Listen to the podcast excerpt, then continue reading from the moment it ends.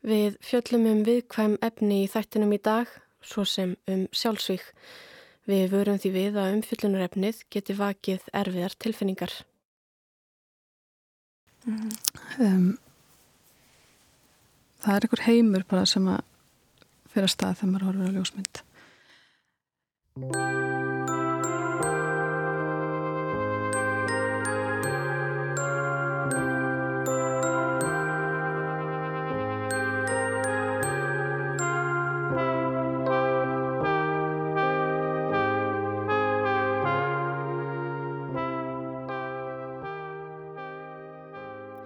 Þarna heyrðum við í Köllu Rós, Völu og Gunnarsdóttur og henni við að kynnast betur síðar í þættinum. Þú ert að hlusta á glans. Í þessari fyrstu stuttáttaröð rínum við í hlutverk og áhrif ljósmynda frá alls konar ólíkum sjónarhóðnum.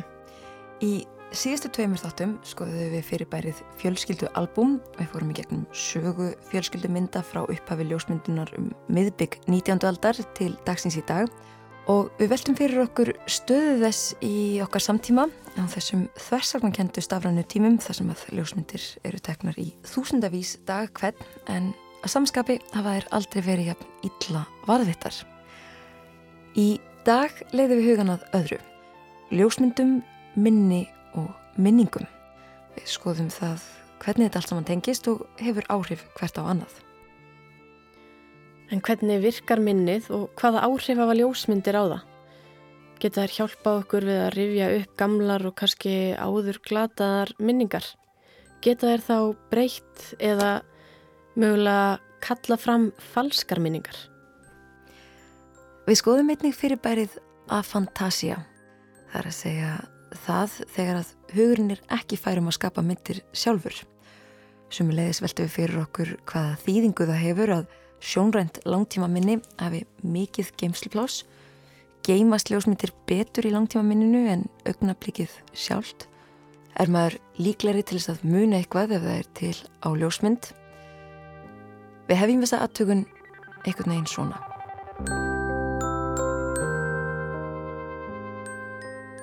Eins og því þú skoðar þessar gömlu myndir Já. frá því að þú varst bann, jábel. Hvernig er að skoða þær? Koma minningarnar fljótt aftur? Já, ég meður náttúrulega tímabilið. Það rennur upp fyrir manni tímabilið mm. til verðt. Og svona bara vekur einhverja minningar.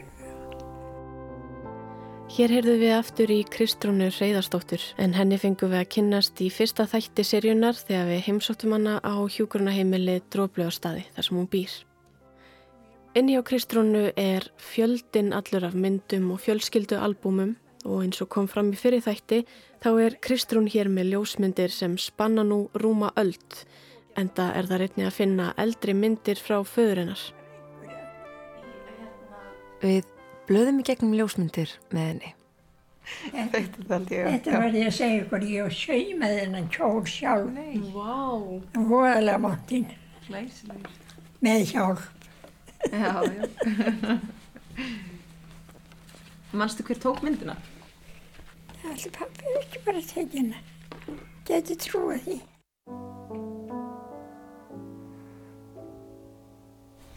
Um, Þetta hús heitir Huldálar og er í Mórsensveit Er það húsið þitt? Það er nála mjög nála tveginum rétt hjá kirkjunni Þau byggðu það sem nýbíli fór allir mín Það rifjast upp fyrir henni minningar. Þannig að í Mósusveitinni núna sem við verðum að byggja, byggum þar fyrst lengi og það var enginn rút, það var ekki neitt, það var mjölkubíl og maður fekk far með mjölkubílum í bæinn. Þegar ég var tí ára, þá byrjaði skóli, það var skólaskilda tí ára en sama ár þá var henni breytt nýri átt ára. Þannig að sýsti mín hún var að fara með við fórum að fara tvær. Og við fórum með mjölkubílum vitið hver hérna mjölkustöðin var hérna réttur utan. Bara hann nálagt á sundhöllinni og þar einhverstað þar, þar stýtti bílinn okkur eftir og svo höfðum við að vaða allaveg í Grænaborg sem við vorum í skóla. Hún er út við byggingarnar í, í, í landsbytilanum. Oh, yeah. Það var gengum það og það var þá var ég verið að byggja nýju göturnar alltaf. Alltaf það var sendur svo mikið drölla og maður hóði elgin alveg upp eitt. Man einhvern tíma kom einhver sjúkruðkonar og skoða okkur og skammaði okkur sýsturnar og verði svo óhrinnur á fótum hvort við færim aldrei í bað. Æ. Hún áttaði sig á því við vorum búin að ganga gegnum allavega drull.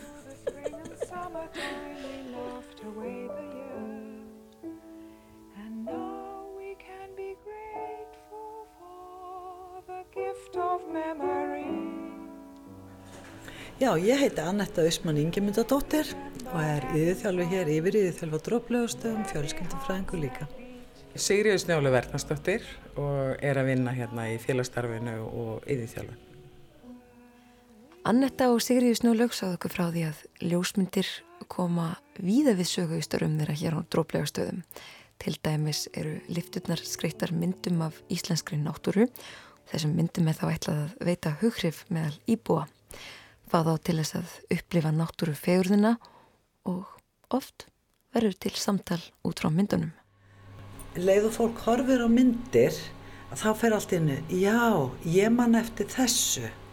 Við vorum einu svona með hestabók, þar sem var nú sko ljósmyndra hestum og það fyrir einn kona sem átti erfitt með að tala, var eiginlega búin að missa mikið málið, að hún fyrir allt inn að brosa og við finnum mynda hestamóti og hún heldur áfram að brosa og fyrir að benda ána og svo að fólki að hestamótinu og þá getur við átt samtal saman eða ég spyr hana hefur þú verið að hestamóti og þá kannski gerur hún eitthvað svona? Og það, það er að lýsa hann allir líka minn hjá fólki hann verður svo hann verður svo fallegur. Það sléttist úr húðinni, það brosir. Og þetta er bara eitthvað svo þetta er sundislegt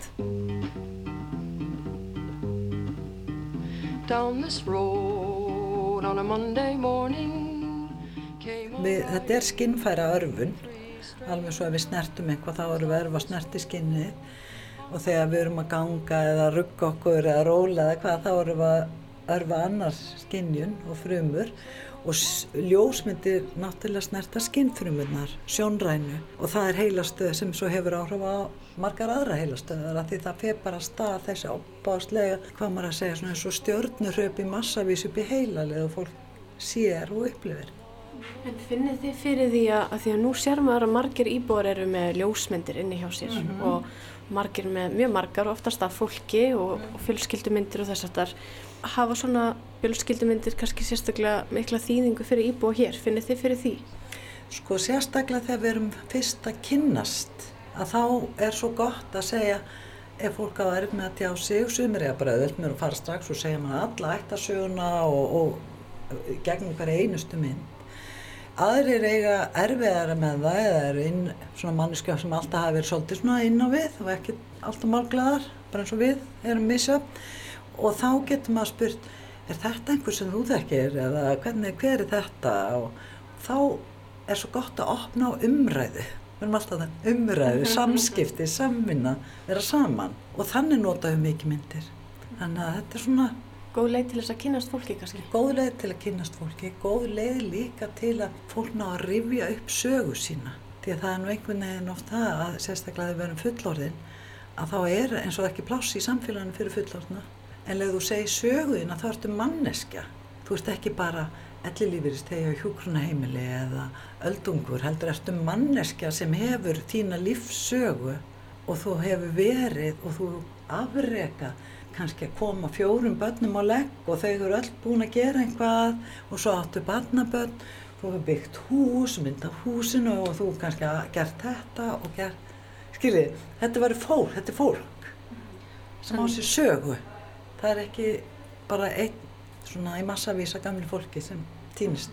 Og myndirnar er einhvern veginn til sönnunar um það kannski? Myndirnar er stór sönnum það algjörlega, já, samlaði, já og vist líka öryggi fyrir íbúan að vera í innum hluti sem eh, þau þekkja þau þekkja fólkið á myndunum og, og þetta er lífsviðbörðum þeirra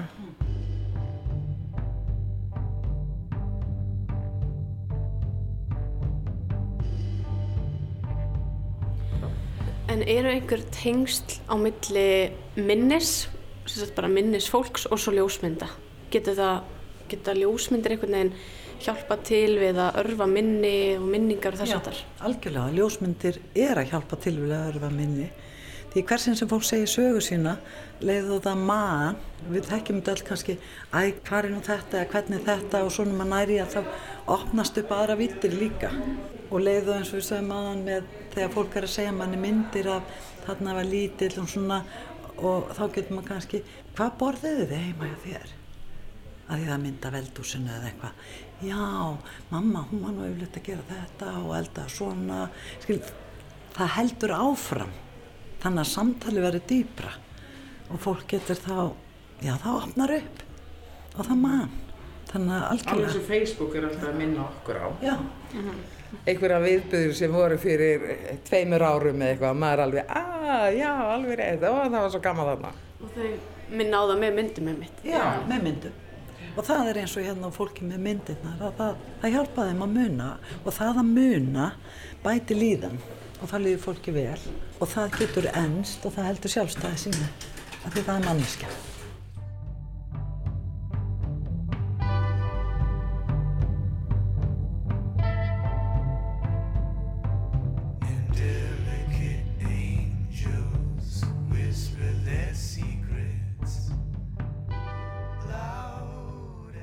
Þegar hér er komið sögu áttu við ann okkur á því að það væri nær óumflýjanlegt að fjalla um ljósmyndir og minningar án þess að skoða líka þann órjúvanlega hlut minninga, þar að segja minni sjálft og hvernig það virkar. Einhverjir haldaði fram að við séum ekki annað en röð minninga, að við séum sem sé minningar okkar. Ágústínus sagði minni vera maga hugans í bóksinni Játningar. Minnið þessi ævisaga sem við búum okkur til, ævisagan sem að við höldum að sé líf okkar eins og einhver annar orðaði það meir en árþúsundi á eftir Ágústínusi. En þetta er jú voða loðið allt saman. Hvernig virkar minni nákvæmlega? Hvað er þetta? Eftir nokkur símtöl upp í háskóla og spjallu taugavísindamenn og sálfræðinga komust við annað að því, svo sem ekki óviðbúið kannski, að minnið er býstna markbrotið og flókið fyrirbæri.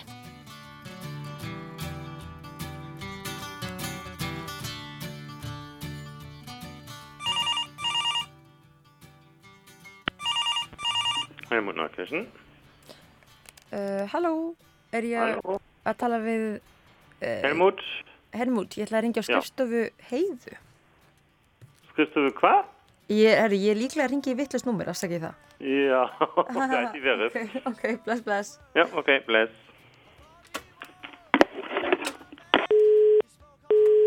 Ég hef greinlega ringt í vittlust númer. Ég reyni aftur.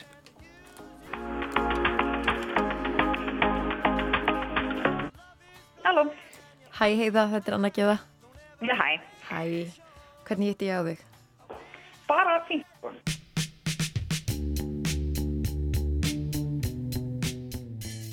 Já, ég heiti Heiða Maria Sigurðardóttir og ég er lektor upp í Sálfræðið Háskóli Íslands og doktor í taugistum.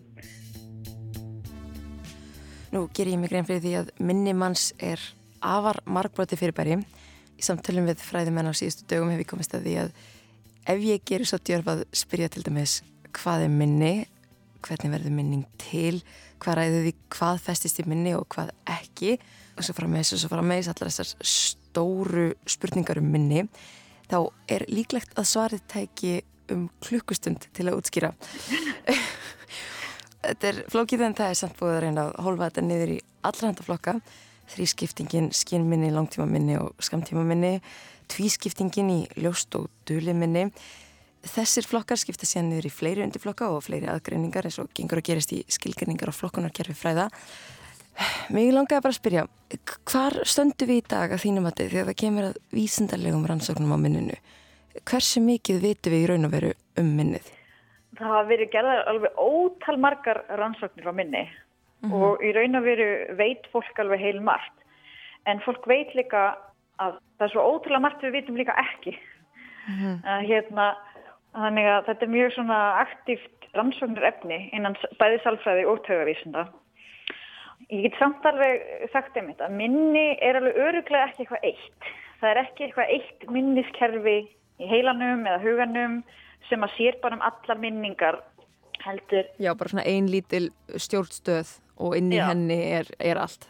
Minnið verður til út um allt í heilanum. Minnið að einhver liti verður til út um allt í heilanum og það fer eftir því kannski hvað þú ert að leggja á minnið og hversu lengi þú þarft að muna það. Hvaða heilastöðvar og hugarferðli taka þátt.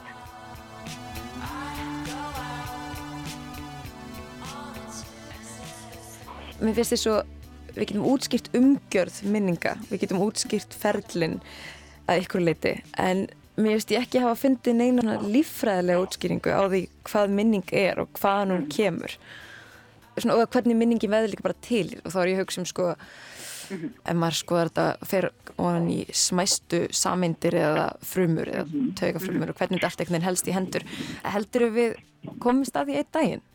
Já, fólk er náttúrulega bara nú þegar að, að rannsaka þetta og veit heil margt um þetta. Á endanum þá hlýtur minning að breyta heilunum á þeir einhvern veginn. Annarkvort hlýtur hún að breyta virkni taugafrumna og hvernig það er kannski að hafa samskipti að tala saman eða þá hún er að, að, að hérna, það að leggja eitthvað minnið veldur því að það verða sagt, breytingar á strúktúr einhverja taugafrumna og það, það sem að til dæmis fólk hefur skoðað heilmikið er hvernig reynsla getur haft áhrif á hversu sterkar eða veikar taugatengingar á milli taugafrumna.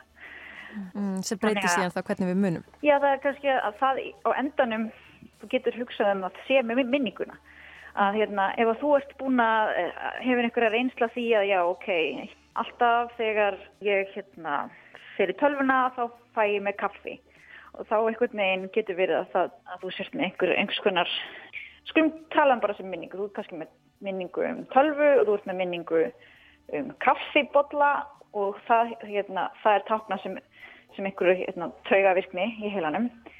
En svo, sagt, ef þetta parast oft saman, þá getur verið að, að hérna, þessar minningar eða taugafrumundar sem tákna þessar minningar fari að tengjast meira saman. Það sem að taugatengingarnar á milli fór að styrkjast. Þannig að um leið og þú hugsa um tölvu eða virkja minningar um tölvu, þá svona smá virkjar minningin um kaffi. Af því að það eru sterkari taugatengingar kannski þar á milli og ég er náttúrulega einfald þetta óbúslega mikið. En á endanum þá lítur minning að vera breyting á heila.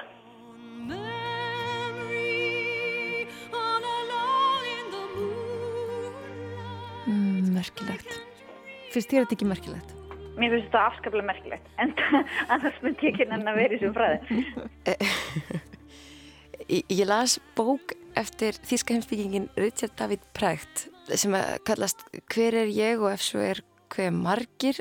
Þetta er uh, bók þar sem að reynir að svara stórum heimsbyggilegum spurningum mannsins út frá sálfræðilegu, líffræðilegu og heimsbyggilegu sjónarotni og einn kapli bókarinnar fjallar um minni og heitir bara hvað er minni? Að vísu er þetta tíu ára gömul bóknuna en í lokkaplans eftir að fara í gegnum einhverjar minnisrannsóknir sögu þeirra og ímis flokkmanarkerfi á minninu eða aðgrinningakerfi þá segir hann ef við líkjum minninu við æðri starfræði þá má segja að heila sérfræðingar séu í þann mynd að átta sig á því hvað tala er Heldur það að sé eitthvað til í þessu? Ég held að þetta sé eitthvað til í þessu, en það, þetta árjuninni við um kannski sálfræði og taugavísindi sérstaklega, bara í heldsinni. Mér líður stundum eins og þetta sé svona þegar fólk var að fara út í svona landkönnunar leiðangra og það var bara ótrúlega mikið ókanna svæði og allir vita að það er ótrúlega mikið ókanna svæði það er svo margt spennandi sem var hægt að uppgöta og mér líður svolítið einhvern veginn eins og að þessi fræði, sálfræði og taugavísti séu einhverstað þar. Tonight will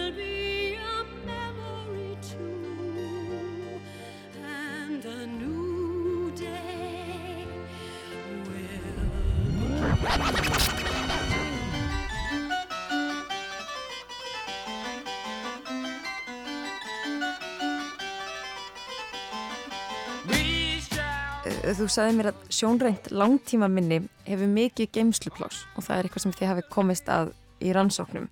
Var eitthvað útskýra það eins nánar og hvað það segir okkur?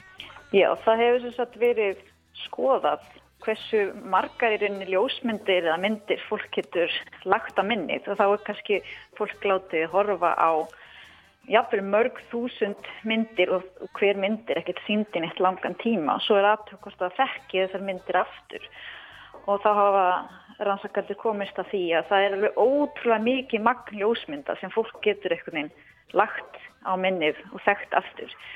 Sem að svona gefur einhverja vísbendingar um að geimslupláss langtíma minnis er ótrúlega mikið.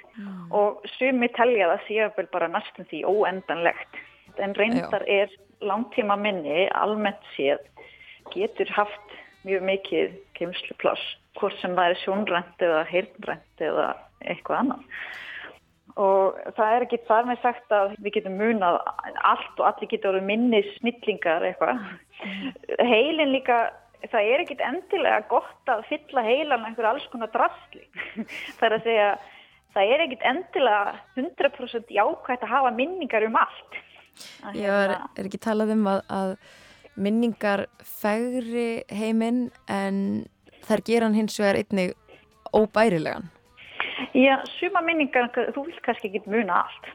En yfirleitt sko mannmaður kannski frekar samt bæði eitthvað sem er mjög jákvætt eða mjög neikvætt. Það er að segja, ef að, ef að minningin er tengd einhverjum tilfinningum eða ef eitthvað kemur fyrir þig eh, og upplifir upplifir eitthvað, það er einhverjar, það vekur upp einhverja tilfinningar með þér, þá ertu líklegur til þess að muna eftir þeim atbyrði, líklega vegna þess að hann er mikilvægur.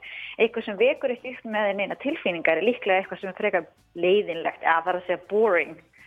Þú þarfst ekki að muna eitthvað hvað þú fegst þér í matinn fyrir fimm vikum. En þú gæti þurft að muna eftir þegar þú hittir áskina þína í fyrsta skipti. Og ljósmyndir kannski að einhver leiti geta líka hjálpa til með þetta því að ljósmyndir geta líka kannski vakið með manni einhverjar tilfinningar. Geimast ljósmyndir frekar í langtíma minni heldur en eiginlegar upplifanar af, af augnablikum. Ég myndi nú ekkit endilega geta fullir það, en aftur á móti, þú tekur kannski frekar ljósmyndir af, einhver, af einhverju sem þér finnst merkilegt. Þú ert ekki að taka myndir af einhverju sem þér finnst alveg gjörsanlega ómerkilegt. Það hérna, er líklegt þú setja að taka ljósmynda ykkur af því að þú vilt einmitt mun eftir því. Þér finnst þetta merkilegt þetta vekur með tilfinningar. Og þannig að ljósmyndir er kannski líklegt þess að vekja með, vekja með manni einhverja tilfinningar og þannig að það getur alveg verið að þú munir stolti vel eftir þeim. Einmitt af því að við vitum að minni sem tengist einhverjum tilfinningum. Þú, þú, það er kannski einhverju sterkara heldur en ef þú lendir í einhverju sem er mjög ómerkilegt.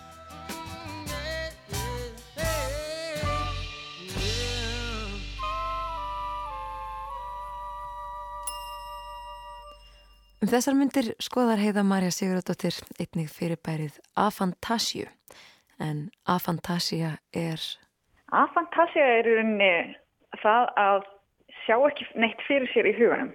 Að sjá ekki myndrænt fyrir sér í huganum. Og það er hérna, flestir ef, ef ég myndi segja hérna hugsaðu um fíl, þá upplifa flestir einhvers konar mynd í huga sér.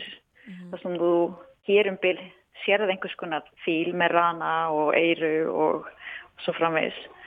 En það virðist vera einhver prósend af fólki sem að hugsa um fíl á ekki myndrann hátt. Það veit alveg hvað fíl er en hérna hefur ekki þessa sjónrannu upplifun af því að sjá eitthvað fyrir sér í hugunum bókstaflega. Og það er nýlega sem að rannsakandir í rauninni föttuðu að þetta væri bara, bara í rauninni eðlilegur mannlegur breytileiki að fólk getur verið allt frá því að hafa enga upplifun eins og ég voru að tala um sem að kallast á afantasía yfir í það að vera með ofbúslega sterk, sterk sjónrann ímyndinafelli sem kallast á hyperfantasía og svo er flestir einhver staðar hérna mitt á milli. og þú hefur verið að skoða þetta hér á Íslandi ekki satt. Sko, það var að koma út grein eftir okkur um með mitt hérna arkitekt sem misti hæfilegan til þess að sjá fyrir sér í huganum og það verðist vera að hann sé með skaða á okkunum heilasvæðum sem að sjáum í rauninni sjónræna úrvinnslu og þekkja hluti í sjón og það getur verið að svipaðar heilastöðvar og sjáum að þekkja hluti í sjón komi einmitt líka að því að ímynda sér hluti sem er ekki til staðar. En það sem að við erum síðan að fara að gera núna í framhaldinu að það er að við, við höfum líka bara áhuga á að vita hvernig þetta er hjá fólki almennt.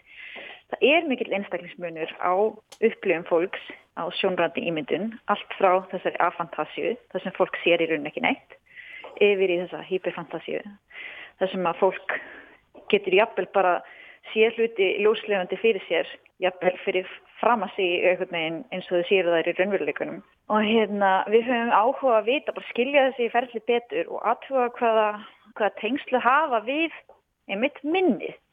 Bæði þess að sjónskinjun og svo sjónrænt minni. Sko einmitt að því að það er svo lítið búið að rannsaka þennan fópfólks með afantasju sem bara svona vilðist vera frá náttúrum hendi ekki með sjónræn ímyndunarferli. Þá er, þá er kannski lítið hægt að segja með fullri vissu um hvernig þau funkera en nú erum við búin að vera svona tala við allavega fylgjast með eitthvað fólk sem tilur sér vera með afantasju, hvernig fólk er að upplefa heiminn og það sem þau segja mörg hver er að þau reyða sér mikið á ljósmyndir til þess að muna eftir því sem hefur komið fyrir þau. Til dæmis ef að ég færi í ferðalag til Japan þá auðvitað gaman að taka myndir en ég gæti því ég kemi heim. Þá gæti ég einhvern veginn farið í hugrænt tímaferðalag aftur til Japan og ég geti séð fyrir mér Tokjó eða Kyoto eða eitthvað, eitthvað sem ég sá á þessum stöðum og ég geti einhvern veginn endur upplifað það í huga mér myndrænt. En að því að þau geta það ekki að þá einhvern veginn segja þau að þau reyði sér mjög mikið á ljósmyndu, taka, mörg hver taka mikið á ljósmyndum til þess að einhvern veginn geta farið í þetta ferðalag aftur í tíman. Sem er þá vísbending um það að, að ef að þig skortir þetta sjónræna ímyndunarferðli Mhm. að það haldist í hendur þá við minningar, að, að ljósmyndir í alvörunni hjálpa okkur að, að geima minningar sem sagt. Já, mörgulegt er kannski hægt að líta á ljósmyndir sem minningar út fyrir heilan. hérna, að það er að segja, þú ert að, þú ert að geima eitthvað og auðvitað er hægt að geima eitthvað í huga sér, en það er líka hægt að geima eitthvað úr, út fyrir huga þér.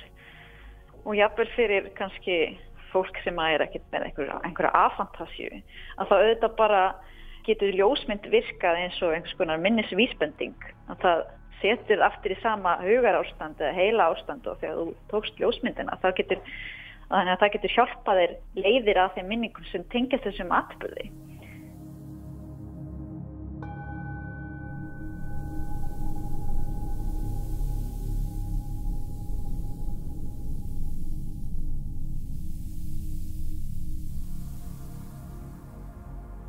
Já, þetta byrjar Þú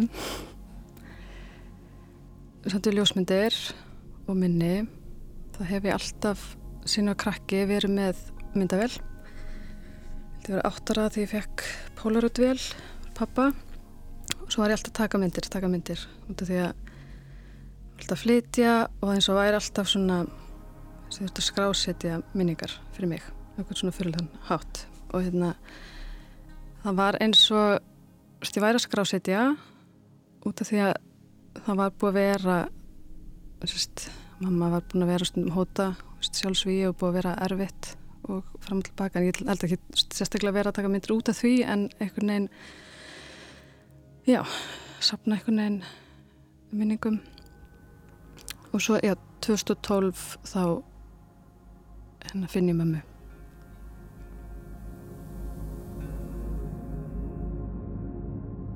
Ég heiti Katla Rós Völudóttir, líka Gunnarsdóttir og ég er, hvað er ég, myndlistamæður, gráskrannur, já.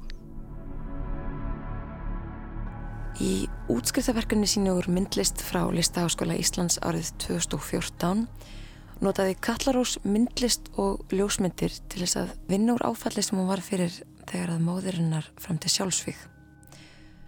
Hún skoðaði tengls áfallsins við mismunandi virkni og byrtingamyndir minnis og samspil þess við ljósmyndina. Kallarós las nokkra búta úr reitgerðinni fyrir okkur svo hljóða uppafsorð hennar. Ég er að vinna með minnið, mitt eigi minni. Ég nota ljósmyndir og eigin reynslu til þess að vinna úr áfalli sem gjörbreytti lífi mínu árið 2012. Þetta er persónlegt verkefni sem ég er að takast á við en á sama tíma á þetta við um samfélagið í heilsinni.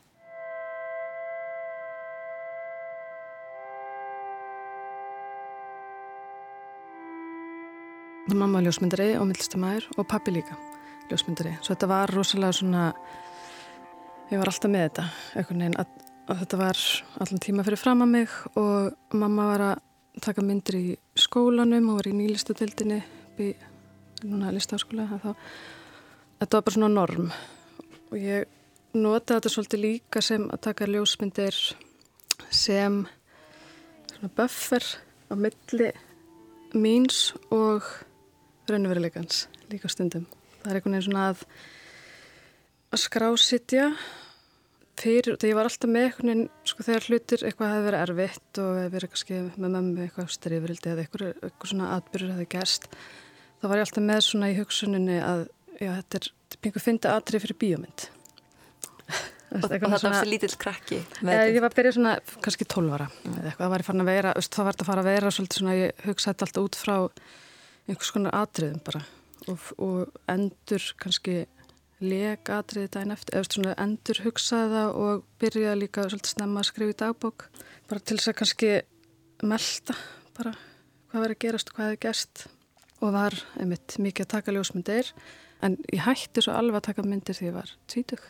Ég var alltaf orðin of sko og stressuð að ég þurfti alltaf að ná atveikinu á mynd til þess að eins og þetta þetta er náttúrulega alveg á undan öllu síma og samfélagsmiðlum öllu. En mér leiðis ég þurfti að skrásið þetta sem svona, herri já veist. til að raungera það í rauninni. Já, ég veit ekki, þetta var eitthvað svona næstu eins og þrávíkja að, að þurfa að mynda hérna bara, já, nú eru vel þetta er páskar og ég ætla að reyna að taka mynda þessu eða reyna að muna, já, taka myndar að það er skemmtilegt eða eitthvað neina að mynda atbyrjuna sem er að gerast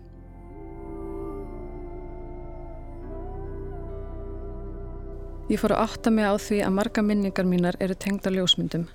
Eins og minningin um að hlaupa á klambratúni því ég var fjögur ára er í rauninni bara ljósmynda að mér að hlaupa á klambratúni. En ég hef fleiri minningar í kringum þann aldur, eins og þegar mamma og pappi reyfust um reykingalikt sem endaði með því að, hún, að mamma fór að kasta skóm í pappa.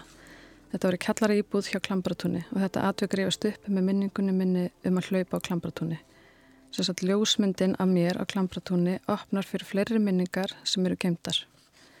Það er heilt tímabil sem tengist þessar ljósmynd sem hellast yfir mig þegar ég hugsa um ljósmyndina og mig sem fjörara stelpu. Það er einhvern veginn eins og að þessi eina ljósmynd sem hlaðin atveikum og minningum í kringum allt þetta tímabil.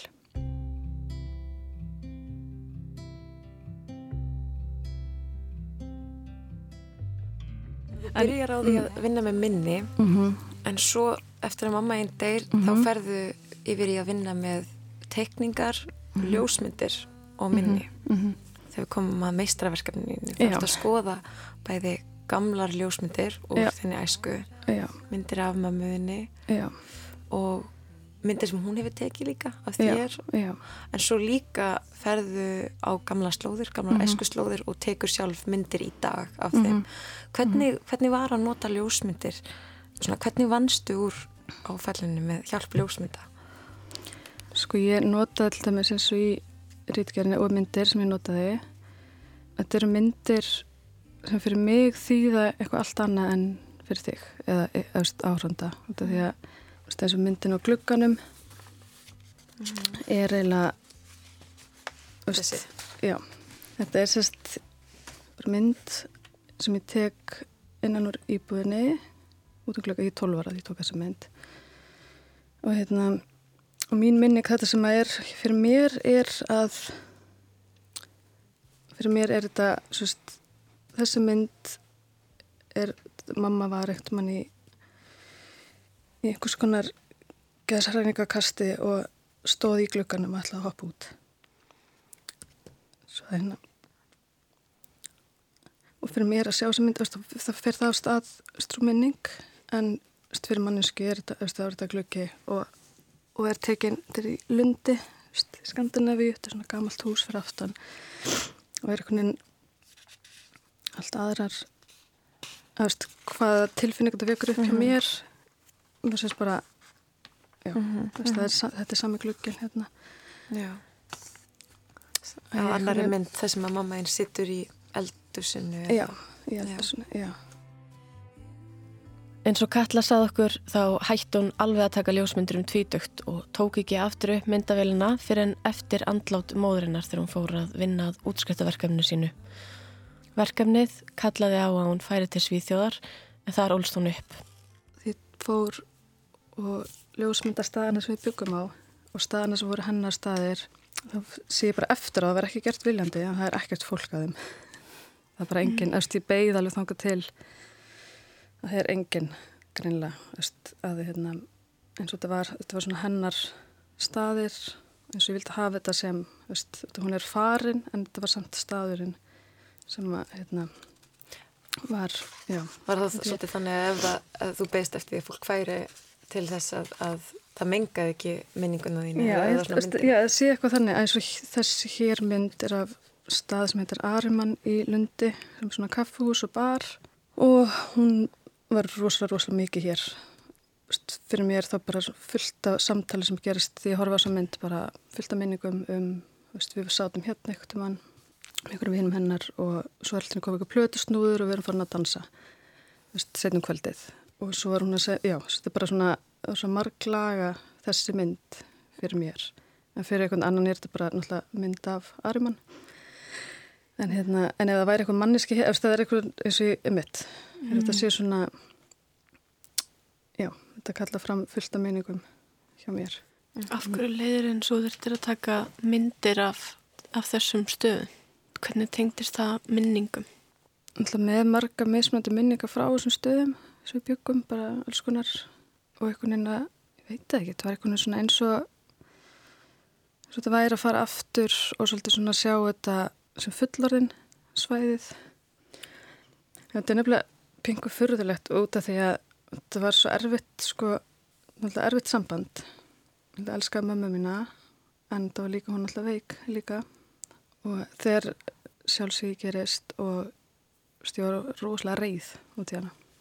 Það var svo, veist, ég var svo sár yfir hann hefði farið og farið svona var einhvern veginn og þannig svo sko veit það ekki, veit ekki hvað veist, þurfti veginn að fara aftur á staðin og kannski reyna endur, eins og ég þurfti að endur mun eitthvað, reyna að finna eitthvað annað líka minningu einhver aðra minningu frá staðnum.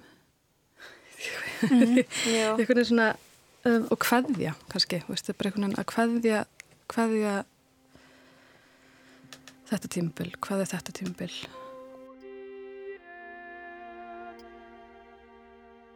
Líka þegar maður er orðin fullorinn sjálfur og horfa tilbaka og horfa á hennar lífslaup hvað, hver voru hennar áfull líka og hvað þetta einhvern veginn eftir pæla í mitt hvað hvað áföll, áföll maður erfir og af hverju hún er allt innu orðin svona í vissum kringumstæðum. Ég mann, það var eitthvað eitthvað sem mamma var hún var eitthvað rosa reið og ég þurfti að horfa á hana og vera bara, já vá, hún er bara í einhverju sásauka út frá einhverju sem gerðist þegar hún er st, fimm ára eða eitthvað, hún er bara í þeim sásauka núna, þetta fjallar er leikt um mig. Mm. þessi reyði sem hún er að beinað mér bara öskra öskra eða eitthvað og ég þurfti einhvern veginn ímynda mér hana sem litla stelpu til þess að bara kannski ekki alveg taka við svona, en þar er minni ekki á henni og, og já, eitt kannski sem er sem ég kannski talaði um er að mamma var alltaf að tala um alls konar atriði sem hún lendi í sem krakki. Og það kom alltaf annars slæði þegar þetta gerist og þetta gerist og var rosa reið og sár og var, fann alveg hvað það var satt djúft í henni. Og hérna við fórum að skilja meira og meira eftir að hvað það hefur haft miklu afleðingar og var, veist ég meina alltaf en hún talaði um hann lendi var í sveit og lendi í einhvers konar misnótkun og svo þegar hann er 18 ára þá er hann nöðgað Danmörku af, veist, og þetta kom aftur og aftur upp og hvað gerist í svona áfællum og hvernig séðan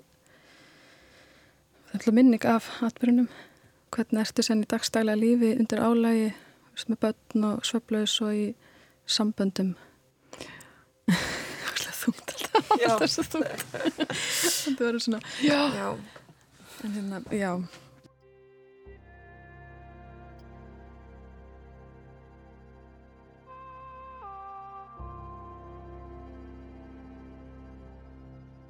þegar ég finn með mig að hérna ég vildi alltaf í hennu ég vildi taka mynd af þessu. Ég vildi eitthvað skrásetja þannig að það sé eitthvað svona leið í að hérna, að vera áhærandi líka að, að geta mingað einhvers konar sársöka þar að ná að vera skrásetjari líka að eigin lífi veit ekki hvað mm -hmm. að hérna þetta var rosa skrítið, það kom rosa stert stjórn fyrstulega rosa reyð út í hann að hafa farið og ekki geta kennst barnabönnum það kom rosa stert sko sem er svona þetta hún var spennt að fara eignast barnabönn og maður svona einhvern veginn emmitt, maður svona sá hann fyrir sig sem rosalega skemmtilega ömmu. Það var rosa reyð einhvern veginn að það myndi ekki gerast. Og svo til þess að einhvern veginn að höndla aðstæðunar þá var eitthvað ekki ég þarf að taka mynd bara af þessu. Veist, taka mynd af öllu. Bara hvernig allt er og henni.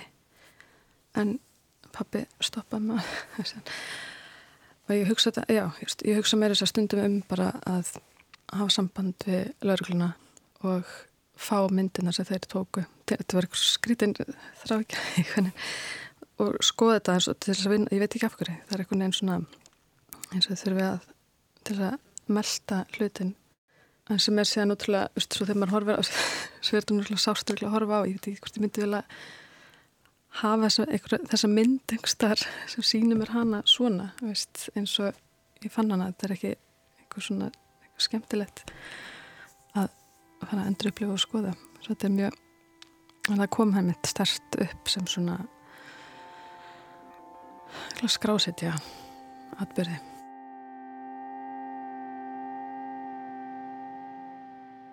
In a dream I am carried. En svona eftir þetta allt, allt þetta ferli og nú eru lengi pælt í minningum, hvernig upplifir þú tengsl minninga og ljósmynda? Já, í dag eftir til dæmis, eftir þetta með mömmu að ég, ég get ekki haft mynd af henni hún, ég er eiginlega ekki með neina myndir uppi við heima, ljósmyndir þetta er svona Það er ofmikla minningar sem vakna Já. eða, eða bara Já. ofsterk það tilfinningar verður of stert og mikið sem er skrítið eftir samt hvað er, hún deyr 2012 Átta ár. núna í sumar verður 8 ár rosalega langa tími þannig að það, líður mér, mér finnst þess að þetta eigi að komið eftir þess að ég eigi að komin einhvern veginn lengra en en já, ég einhvern veginn Það er ennþá sásökafullt að, að horfa á myndir mm -hmm. eins og þú lístir aðan þegar þú færi gegnum myndirnar þú, þú sérð greinilega strax ein mynd eins og þú slýsa af Mhm. barnum Mhm. á kaffehúsinu Mhm. það koma svo rosalega mörg augnablík greinilega Mhm. fram Mhm. þannig að minningar haldast fast í hendur við ljósmyndir. Já, og veist, já, og svo getur verið, þetta verður svolítið svona, ég veit ekki, upplifa þetta sem svolítið svona portal, þetta, er næst eins og verður svona, horfur þetta og bara svona sogastu inn í þetta tímabil og allt sem gerist í kringum, þú veist, þú sér eitthvað mynd af þér þegar, þú veist, þú ert sjö ára, þú sér myndina og þá vakna allar fylgta minningum í kringum þetta tímabil kannski, þú veist, einhver, einhver dans allt í einu eða allt í einu, já, einmitt, ég var alltaf í þessum ból og var alltaf að hitta þessa vinkonu og, og svo bara fer heimurinn á stað svolítið og myndin sem mynd, hún breytist bara í myndband um leiðu þú kikir á hana. Já. og lifnar við eitthvað Já, og bara endur muna eða, veist, já, ég veit ekki hvort sem bara ég.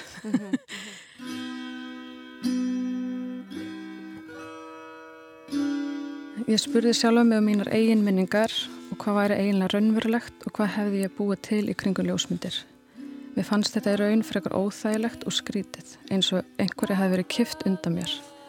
Ég var ekki alveg viss um sjálfa mig lengur og fór að efast um mínar minningar, hvort sem þær tengdust ljósmyndun eða ekki.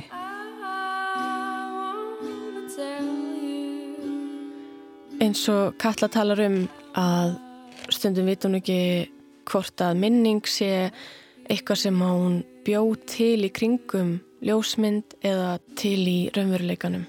Eh, Við Anna kannski tengdum svolítið við þessa hugsun og vildum komast að því hvort að þetta væri tilfelli, hvort að heilin geti í ákveðnum tilfellum búið til minningar eða breytt minningum í kringum ljósmyndir. Þannig að við ákveðum að heyra í Átna Kristjánsinni, taugavísindamanni. Átni er prófessor við Sálfræðild Háskóla Íslands.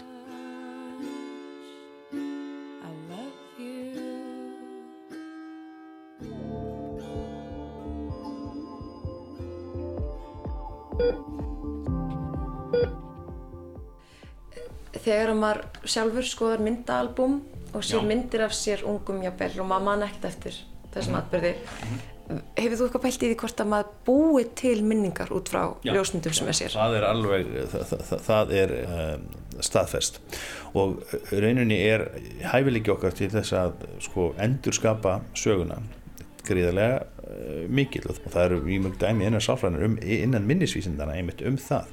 Og það þarf ekkert endur að vera ljósmynd, það getur verið frásögn. Og það er fræg rannsók þess- sem síndi fram á það að það fólki var sagt að þegar það var lítið 45 ára gamalt þá hefði það týnst í Vestlunarmiðstöð og, og svo var sagði nokkur aðra sögur fólki var sagði nokkur aðra sögur sem var sannar.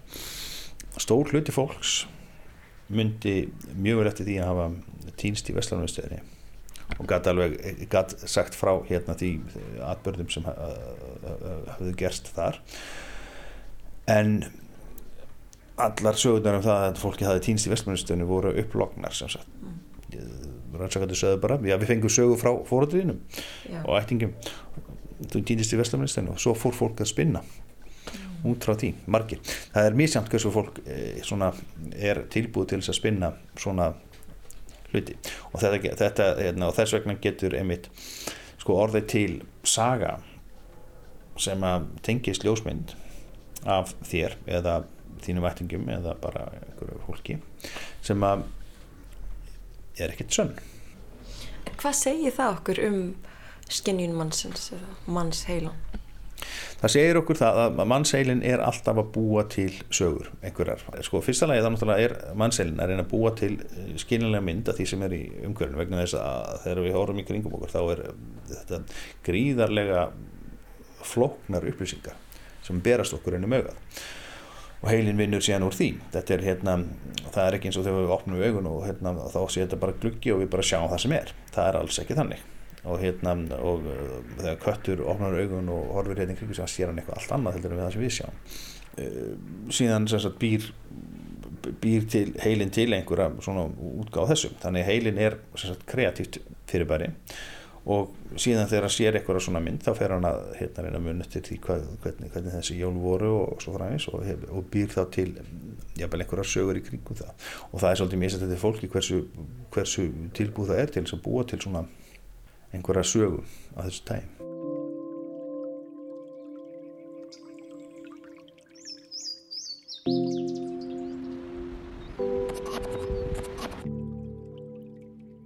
Eins og kom fram fyrir í þessari ljósmynda þáttaröð, það hefur átni í rannsóknum sínum, meðal annars fengist við að skilja sjónkerfi mannsins og hvernig aðtikli og sjónskinjun vinna saman. Í greinsinni að skapa minningar, minni, aðtikli og áreðanleiki vittnesburðar segir hann frá því í samantektinni að Þegar fjallað eru minningar, hvort sem þær eru um alvarlega glæpi eða hverstaslega atbyrði, verður að hafa í huga að minningar eru ekki til í einni af tveimur gerðum, réttar eða rángar. Til þess eru dæmin um brenglanir af ýmsu tægi of mörg. Einnig setur eðli sjónrætnar úrvinnslu minninu skýr takmörg. Ef við veitum hlutum í sjónsviði ekki aðtikli, getur margt farið fram hjá okkur, þó það gerist beint fyrir framann opin augu okkar. Niðurstöður þær sem farið hefur verið yfir í þessari grein sína að þróa þarf ábyggilegar aðferðir til þess að leggja mata á hvernig minningar tengjast raunveruleikanum. Hvernig minningar endur speikla það sem raunverulega gerðist. Minningar eru ekki réttar eða rángar, Heldur eru þær skapaðar úr því sem gerðist, því sem okkur hefur verið sagt um það sem gerðist. Því sem við viljum að hafi gerst og því sem öðrum finnst um það sem kann að hafa gerst. Svo nokkur dæmi séu tekin. Minningar um liðna atbyrði eru því ekki hlutlagur sannleikur, heldur hugar fyrirbæri sem eru háð duttlungum tólkunar. Katla Rós deildi svipuðum hugleðingum í niðurstöðum útskriftaverkarnir síns. Við leifum þeim að slá botnin í þessa umfjöllun. Minnið er ekki línulegt, heldur kemur í belg og byði og ég lefði því að fara þannig upp á vegg. Með þessu ferli er ég að endurskapa minningar fyrir mig, eins og til dæmis að lesa bref frá móðuminni sem ég hef ekki lesið í 20 ár og tólka þannig minningar okkar saman upp á nýtt og reyna að skilja hana um leið.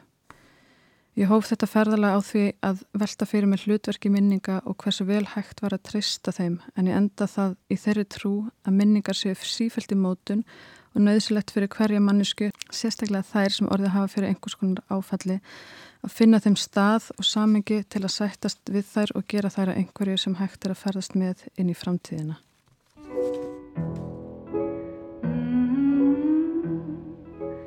If you listen, you can hear it call.